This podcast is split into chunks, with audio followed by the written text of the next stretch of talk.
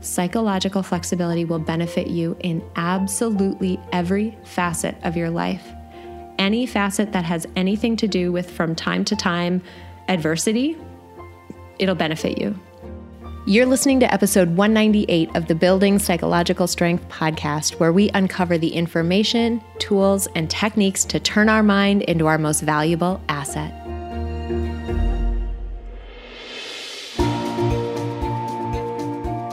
The courage to face fears with persistence. Being able to be present enough in this moment to choose my response thoughtfully. We have the strength to bend to life stressors, to bend to adversity without snapping, without breaking. There are only six things that contribute to our quality of life, and they are all experiences. In every moment, we are deciding who we want to be and how we want to live our lives. Noticing what your brain is doing and then being able to make choices. Mobilize the things that we know lift us up. Hey, everybody, welcome back to the Building Psychological Strength podcast. My name is April, and I'm your host. This week, I'm really excited to dive into a topic that is incredibly applicable to almost every facet of our lives. It is a set of skills which we're going to go through, skills that are evidence based, that have been shown to be extremely effective particularly in the domain of helping us get through challenging circumstances. Think about this. Think about how applicable this is. How many domains of your life involve challenging circumstances? Can you name one that doesn't? I mean, really, I'll wait. Can you name one that doesn't? We really can't. When you think about your job or what you do for work, there's challenges there interpersonally between either your maybe romantic partner or other relationships that you have in your life, challenges come up. When you think about the climate that uh, our our culture is in, and really the globe is in right now with the pandemic, it's challenging. Not to mention, I mean, a myriad of other factors that are happening right now, both that are happening in a shared experience with all of us in the world and also individually in your own homes and in your own lives. We experience challenge and adversity and hardship. And some of our more knee jerk impulses tend to be the ones that actually can harm us in those situations. At minimum, they don't allow us to learn and grow and move forward in a way that is effective as much as it would if we were to take a more intentional approach. So, what I want to go through today is a concept that is getting some extremely good evidence and support in the literature around how we move through adversity and move through challenging circumstances, even ones where our emotions and our thoughts and our minds just go crazy on us, the most difficult of circumstances. There are a set of actions or activities or uh, things that we can do in order to move through those situations more effectively. And that's what I want to talk about this week. Before we dive into those six things that I'm going to walk you through, I want you to think about something that you are struggling with right now. A situation that is difficult, something that you are having to endure or thrive through or think about how you might handle. It can be tough. Emotionally, it can be tough. In terms of decisions about how we might want to act, it can be really tough. And fortunately, before I move forward, do you have that in mind? Have you thought about that circumstance in your life, that situation? I hope so.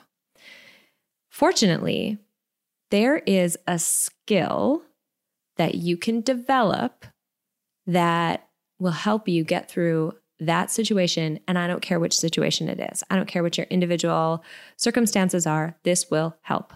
And that skill is psychological flexibility. Now, psychological flexibility is just to give you like a little nerd background. It is receiving some incredible empirical support in the literature, and it is a cornerstone of something called acceptance and commitment therapy, which we've talked a lot about on the podcast, but I've never done a deep dive into this aspect of it.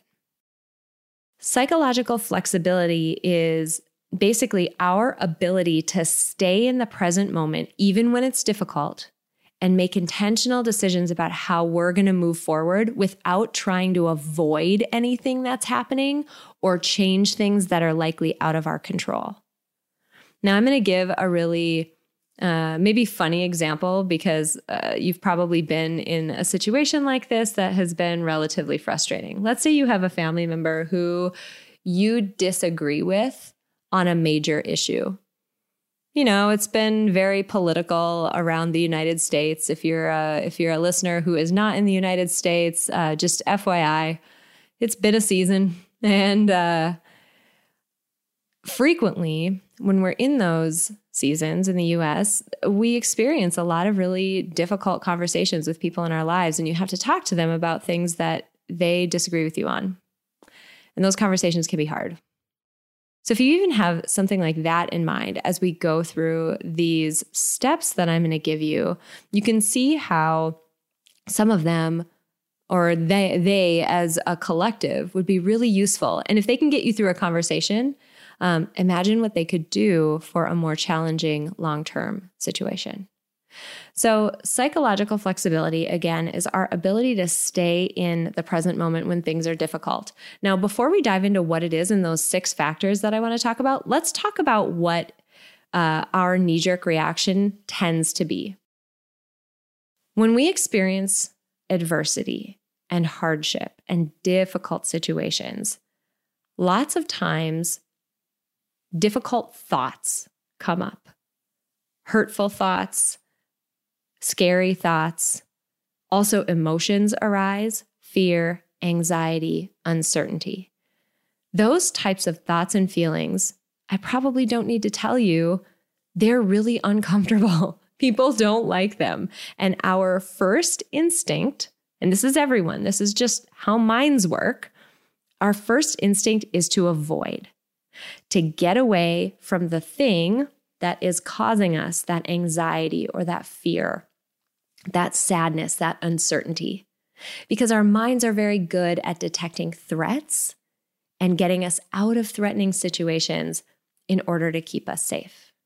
Now, the unfortunate piece of this, and this is why we always say in Peak Mind, your mind can be one of your most valuable assets or your biggest liability. Your mind can become a liability for you when avoidance takes the form of substance use, avoidance takes the form of actual physical avoidance, where you start to do less and less, go fewer and fewer places, engage less and less with other people, try fewer and fewer things.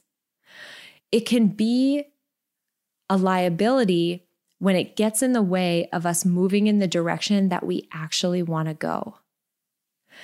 So, that knee jerk reaction that we have to avoid acting in spite of that is essentially what we're talking about when we're saying building psychological strength, or in this case, building the ability to be psychologically flexible. So, encountering adversity, feeling that anxiety, feeling that fear, having that mental chatter in your mind that's telling you to get away, get away, get away, but being able to move through it and maintain and stay in it anyway to not avoid. And when you can train yourself to do that, think about how many facets of your life will improve. If you can endure, if you can maintain, if you can move in the direction that is aligned to who you are, in spite of the fact that your emotions and your mind are screaming at you, think about the incredible outcomes that you can achieve. This is important stuff. So I want to dive into there are actually six, say, steps or six things that you can do that are part of, like, call them facets of psychological flexibility that I want to walk through one by one and just unpack a little bit so you can see how applicable and how helpful this practice is to cultivate. And again, I call it a practice, I call it a skill that you can build because, like psychological strength, this is something that is not going to necessarily go well. It's not going to feel natural in the beginning, but you're going to keep doing it and you're going to build that muscle memory and that strength. So, this is something you're going to practice and get better at. Okay, so six different facets of psychological flexibility. The first facet is one that gets talked about quite a bit in the media and also on this show. We are one of those media outlets that talks about this a lot, and that is mindfulness. But in particular, we're going to talk about mindfulness in a very specific way. Mindfulness, by what we mean here, is the ability to see the current situation for what it is, to see the difficult situation that you might be faced with for what it is without trying to put a positive or a more negative, threatening spin on it. You're just trying to tune in to, as Ashley calls it, sometimes just the facts. What do you see? What do you hear? What can you smell, taste, feel? What is happening right now in the present moment? What are those facts? So, being mindful, I probably don't need to tell you this, but mindfulness training really helps with this foundational skill. This, in and of itself, is not the whole game with psychological flexibility, but is a first necessary step for you to take in order to deploy this in your life. So, mindfulness involves getting connected to that present moment, just the facts of it. What is happening right now that is objective fact. Ignore for this for just this this moment Ignore what you think about it, ignore how you're feeling about it, just stick to the facts of what's happening. So, step one is mindfulness. Step two, oh, this one's a tough one. Step two comes directly on the heels of mindfulness, and it is something that we talk about a lot on the podcast. It's something that gets misconstrued a lot, even though we talk about it a lot on the podcast, which is why I'm going to continue to talk about it a lot on the podcast. Step two, after you've gotten mindful about the current situation that you're in, is to accept it. Accept it for what it is without trying to change it, without trying to uh, avoid it. Accept it for what it is. Now, here's where the misconceptions come in with acceptance. Acceptance is one of the most powerful things that you can learn how to do. Uh, but acceptance does not mean uh, that you agree with what's happening. Let's go back to my little example of disagreeing with somebody. Let's say you're disagreeing with a relative on a really, really tough topic like uh, racism or inequality or something like that, and you vehemently believe that you are right. Acceptance doesn't mean that you suddenly agree with that other person. Not at all. Acceptance means accepting the fact that that is that person's belief system that's their opinion. That's what they think about this, period. You're not putting a judgment on it. You're not necessarily trying to change it. You're just saying, yep, I'm stating a fact. That is what this person believes. I'm going to accept that that is the case because only then can you move on to some of these later uh, aspects of psychological flexibility. So, just to review these first couple because they get kind of entwined with each other, we get mindful about the situation that we're in, and then we accept what is. Just what is objective fact, we accept it for what it is. We don't agree with it, we don't endorse it, we don't believe it necessarily ourselves, but we point to it and we acknowledge it and we accept it for what it is. At that point, as you can probably guess, your mind, one of the biggest difficult things that you'll endure in adverse situations is the chatter that your mind will drum up. Our minds are thought generating machines. They have something to say about everything, they have a judgment about everything. They are our running commentary about absolutely everything that is happening in every moment of our lives. And when we're in adverse situations, some of the most offensive members of the committee in our mind If you've heard about us talk this and talk about this in the past, you'll if uh, you'll recognize this. If not, you'll want to go back and listen to. Uh, there's a podcast episode of ours that talks about the committee in your mind. There's it's actually a two part series. You'll want to go back and listen to that. It'll it'll be really helpful in understanding this next point. But the committee in your mind is this set of mental shortcuts, glitches, heuristics, uh, knee jerk reactions that we have, this set of voices that are in our minds that come up really loudly, actually, in times when we're going through adversity. This can be things like probably the most well known of these is the inner critic. This is the inner critic who comes back and has judgments about everything that you are doing. They typically aren't the nicest, kindest judgments. Uh, the inner critic is the one that people tend to be most familiar with because it tends to be fairly loud for a lot of us. There's also the judge who judges other people in the same way that we judge ourselves. We have heuristics and glitches that try to forecast the future, that try to imagine things as if they were in a different situation. They apply black and white rules where really reality is likely a shade of gray. We have all of these heuristics and these shortcuts and glitches that our mind takes. And what happens is when we're in adverse situations, our mind gets noisy it gets cluttered. It gets full of all of these voices trying to tell us about the situation and have an opinion. So, this third aspect, once you've gotten mindful, once you've accepted the situation you're in, turning to your thoughts and doing something that is uh, basically called looking at the self as a context of your thoughts. This basically means your self, your sense of self, is not the same as that running commentary of thoughts. You are not your thoughts. That's what we mean by that. You are a container that contains thoughts, but you are also a container whose stomach gurgles from time to time. I love that example that Ashley gives because it really puts thoughts into a context where you're like, okay, it is kind of weird that I get so caught up with them, actually. You don't get caught up by your stomach gurgling or a hiccup happening in your body, um, or maybe an itch happening on your skin somewhere. You, as a sense of self, are a container for all of those things. And they are just things that happen from time to time that we allow to just float by us.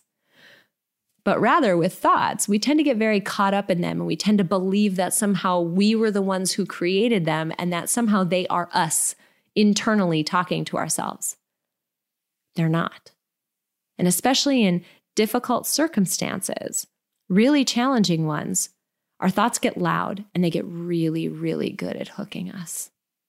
Because what they're trying to do, again, is convince us to avoid or get out of that difficult circumstance versus confronting it head on and making an intentional decision, which we'll get to in a minute, an intentional decision about how to move forward. So, learning how to take your sense of self as the context or the container inside which your thoughts are happening, wow, is that a powerful skill? So, getting really good at that. And the fourth aspect of psychological flexibility is actually a way in which you can do that to take yourself as a container. And this is something that, again, we've talked about quite a bit on the podcast. This is called defusion, thought defusion.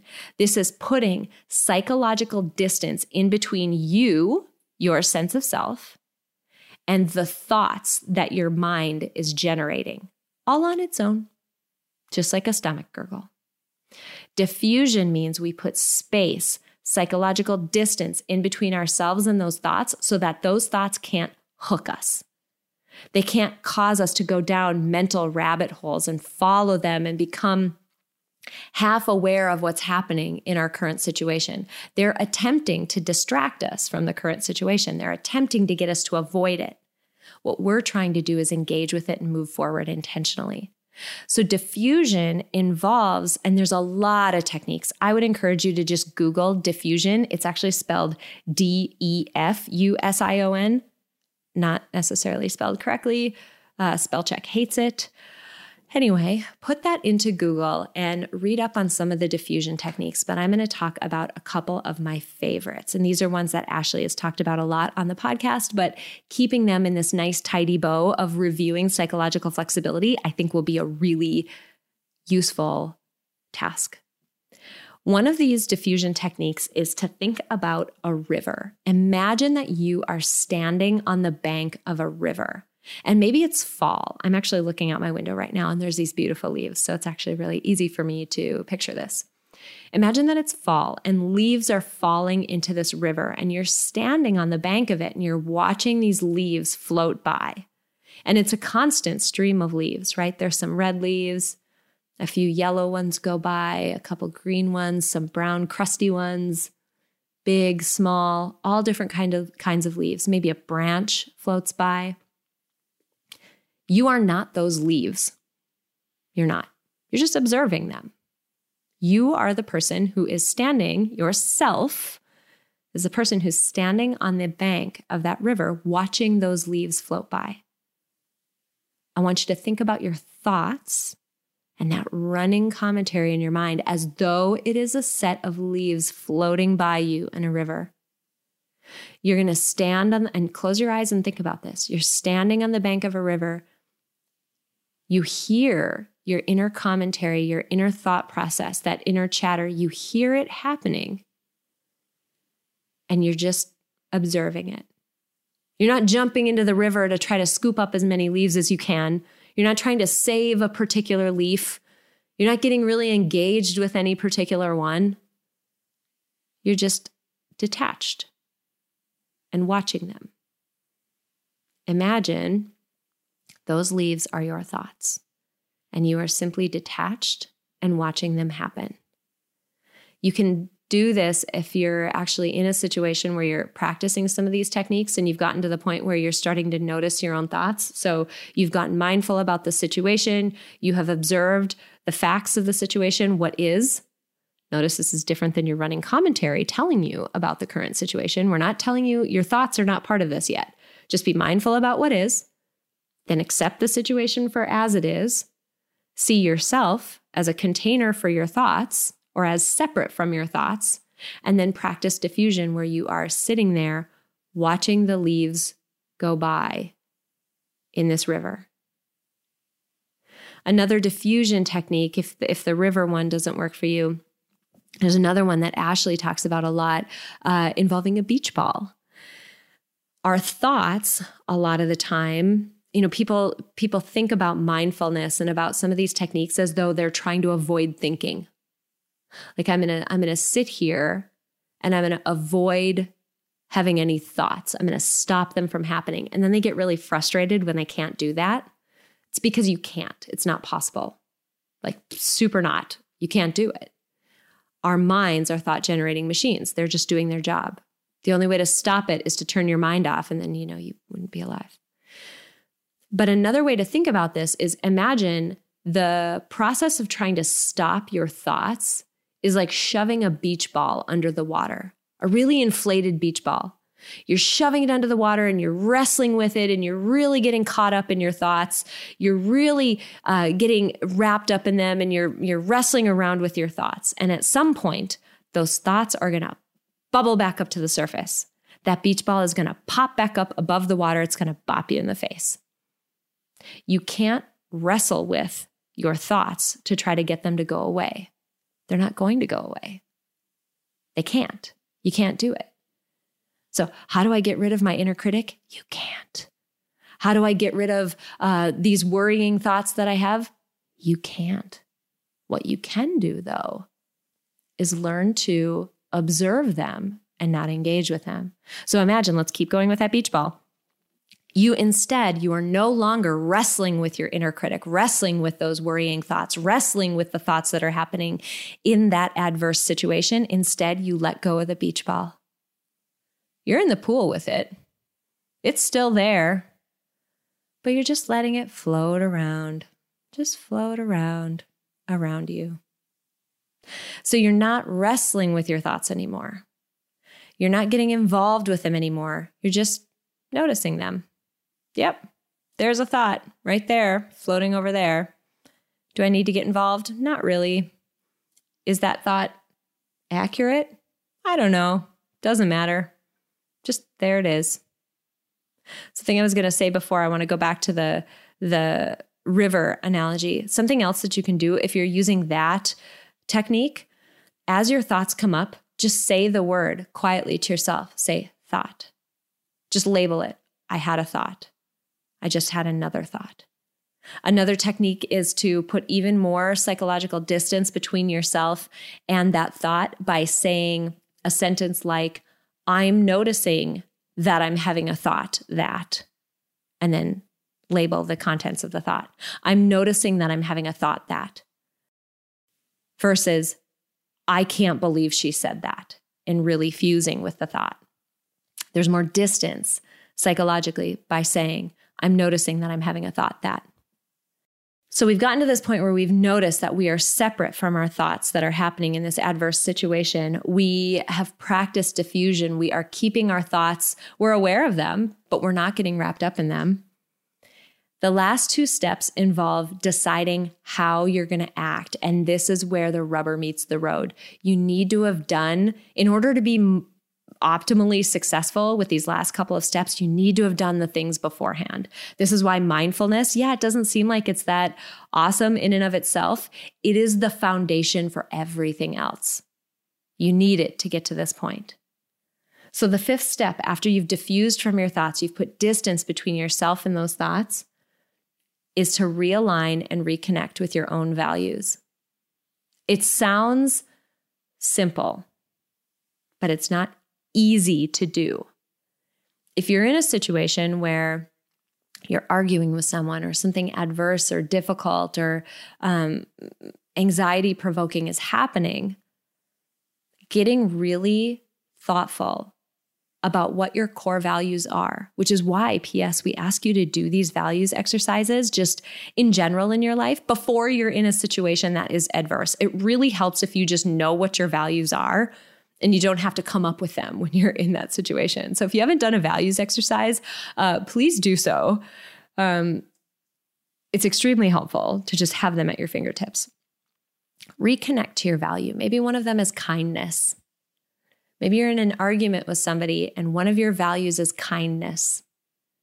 When you don't act in a kind way, you find that you regret you have regret later on, or you feel ashamed, or you feel out of alignment with who you really are at your core. So once you've connected to those values, the last step is behave in alignment with them. Make a decision to behave in, in alignment with those values. Think about what this does for you. So I'm going to run through these six and then we'll go a little bit deeper. So be mindful of the situation. Just know what the facts of the situation are. Number two, accept them. Don't necessarily agree. You're not saying you endorse them or believe in them or like them. You're saying you just accept them. You're pointing them out and acknowledging them. You're seeing yourself as a container for your thoughts, not the same as your thoughts. You're practicing defusion techniques to put some distance between yourself and your thoughts. You're realigning intentionally to your values and then you're acting in accordance with your values. Think about what this process does when you're really good and practiced at it. Think about any time you have to take a step or make a move that's outside of your comfort zone. Imagine how helpful it would be to be really good at this process. Your mind can be screaming at you, your emotions can be all over the place you can be certain you're going to fail publicly and it's going to be so horrible and the outcomes are going to be so awful and your mind is chattering and you're watching those thoughts float by like leaves in a river. And you, in spite of the fact that your mind and your emotions are urging you not to, you're connecting to your values and you're moving forward in a way that is toward something you care about, even though you're afraid, even though your mind is screaming at you you can still move forward because you've developed the ability to separate yourself from that mental chatter and from those emotions. And you've developed the ability to step forward towards something that you care about. Wow, right? Wow. It is so incredibly powerful to be able to do that. I want to give one personal example of this. Some of you may know that I did a TEDx talk. This was about a year ago. I'll put a link in the episode description if for some reason you want to watch that talk. Uh, but I did this TEDx talk. Doing a TEDx talk was on my bucket list of speaking events that I have wanted to do for so long. And when it came time, you know, I had practiced for weeks. I mean, like 10 weeks beforehand, I had been, and you have to memorize a 12 ish minute talk, word for word. How long of a pause? What, you know, gestures are you going to make? We're talking this is full on production memorization. You have to memorize this talk and you only get one shot at it. And it's recorded and it's all very publicly made very publicly available. So I get there and I'm typically nervous before I do a public speaking event, but I was out of my mind. I walked in and they were testing the sound system, and I heard if you've ever watched a TED talk, uh, you you know the the water drop sound and then the like gong sound that comes out of it. Uh, they were testing that sound as I walked in, and I don't know if I've ever wanted to throw up on the spot more than I did at that moment. I was nervous. But the talk was something that I desperately wanted to do. Bravery is something that I value. Life experience is something that I value. Knowledge and sharing that knowledge with other people is something that I value. I desperately wanted to give that talk, but my mind was screaming at me.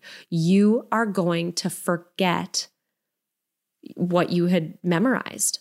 Not only that, but the coach I had been working with, the TED organization provides you a coach when you do these talks. The coach I was working with had to have emergency surgery that morning. He couldn't come. And so my mind was saying, but you need him here. You've been practicing with him. Wouldn't it be helpful to have this friendly voice in the audience encouraging you? Now he's not here and you're not going to have that.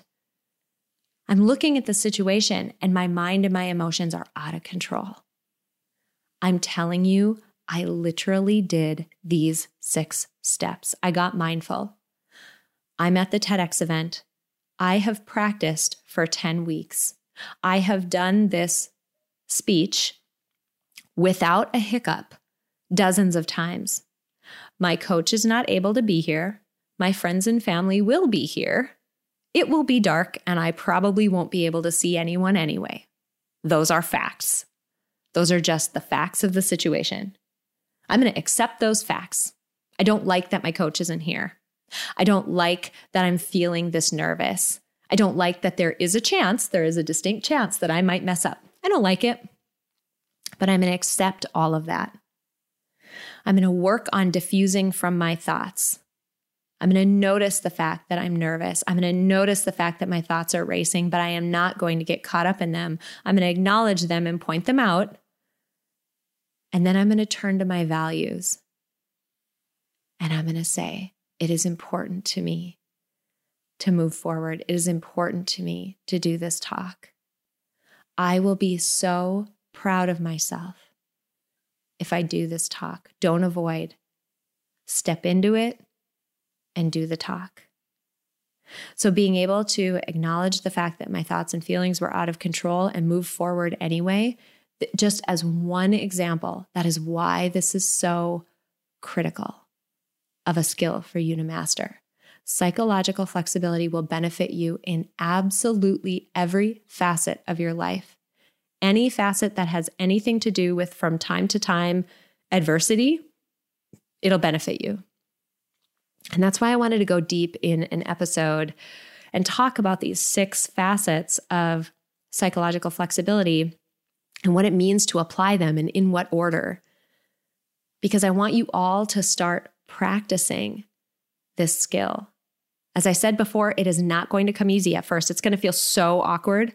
If you've ever tried to play golf for the first time, is what I like to, uh, the analogy I like to use. A golf swing is not a natural movement, especially if you've ever played baseball. A golf swing is not a baseball swing, it is so different. And you feel awkward and terrible. But over time, that awkwardness subsides and it begins to feel more natural. That's what'll happen here. It'll feel like you're kind of faking it or pretending or going through some motions at first. And that's okay. That's what it's supposed to feel like. But after a while, you'll get really good at it and it'll benefit you in a lot of different ways. I really hope this was helpful. I hope that the next time you're in an adverse situation, you try some of these things. And I would love to hear from you if you do. I would love to hear what you tried, how far down those six did you get? It's okay to get hung up, it happens. Let us know. Let us know where you got hung up. Maybe we can make some content in the future that helps you get over those barriers. But keep trying. Oh my gosh, is this skill a helpful one to develop? And we hope that by going deep into this skill today, that it'll make it easier for you to apply it in your own life going forward. All right, you guys, thank you so much for joining me this week. I hope this was helpful. Um, our ratings and reviews, PS, are going up on iTunes, and that is so exciting to see. Thank you to everybody who has gone out and submitted a rating and a review. You have no clue how Uh, like how much that helps to get this podcast out to more people. So if you haven't submitted a rating and a review, please do so. It takes like 2 seconds. You can actually do it in your app that you're watch you're listening to this po- podcast on right now. Just flip down, give us a rating and a review. We would so appreciate it. Thank you guys so much and we'll be back next week with another awesome episode. Tell me if this sounds like you. I'll finally be happy. I'll finally take a breath. I'll finally find some balance when I get through this crazy season of life.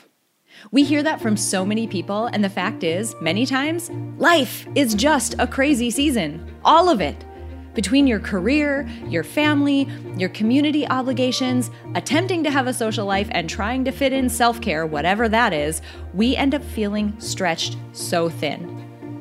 Now, I want to challenge you to think about things differently rather than focusing on external circumstances and their impact on your happiness, your sense of ease and balance, and your mental well being, what if instead you focused on something you can actually control? What if you built the psychological strength that would allow you to thrive through life when things are going well and even when they're not? What if you could feel less scattered, more in control? Less anxious, more peaceful and joyful. We want that for you too. That's why we are so beyond excited to announce the beta release of our signature psych strength building program, Ascend. This program combines evidence based tools, techniques, and information from the fields of psychology and life design to focus on three important modules you, your mind, and your life. Learn your unique combination of strengths, values, and identity, and the ways in which they interact and lead you to approach life in your unique way. Dig into your mind to understand the conscious and subconscious processes that act as a lens through which you experience life. And finally, harness the power of life design to begin to steer your life into alignment with who you uniquely are. Enrollment in this beta round of Ascend is open now, and because it's our beta round, the price is astonishingly low. So if you have ever had even a suspicion that you could benefit from building psychological strength through a guided, science backed experience, now is the time. Visit www.peakmindpsychology.com backslash ascend for more information and to join us. Friends, it is time to build psychological strength. It's time to live by design and not by default.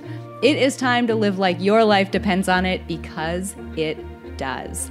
Join us in Ascend by visiting www.peakmindpsychology.com backslash ascend. That's www.peakmindpsychology.com backslash ascend. It's a simple fact that nearly everyone in the world could benefit from building psychological strength. But not everyone will put in the time and effort to do so, but today you did. Thank you so much for listening to this episode of Building Psychological Strength. Now, if you're interested in building the mental toughness, confidence, and resilience you need to thrive through life's ups and downs, visit us at www.peakmindpsychology.com. Also, if there's someone in your life who could benefit from this episode, please share it with them. And if you yourself found this episode valuable, meaning if you took away even one insight that you can use to build psychological strength in your own life, we would so appreciate it if you would drop us a rating and a review on iTunes. The thing is, the more ratings and reviews we have, the easier it is to get this powerful and important content out to the people who need to hear it. Remember, your mind can be your most valuable asset or your biggest liability, and you get to choose. So choose wisely, my friend. And I'll see you next time on Building Psychological Strength.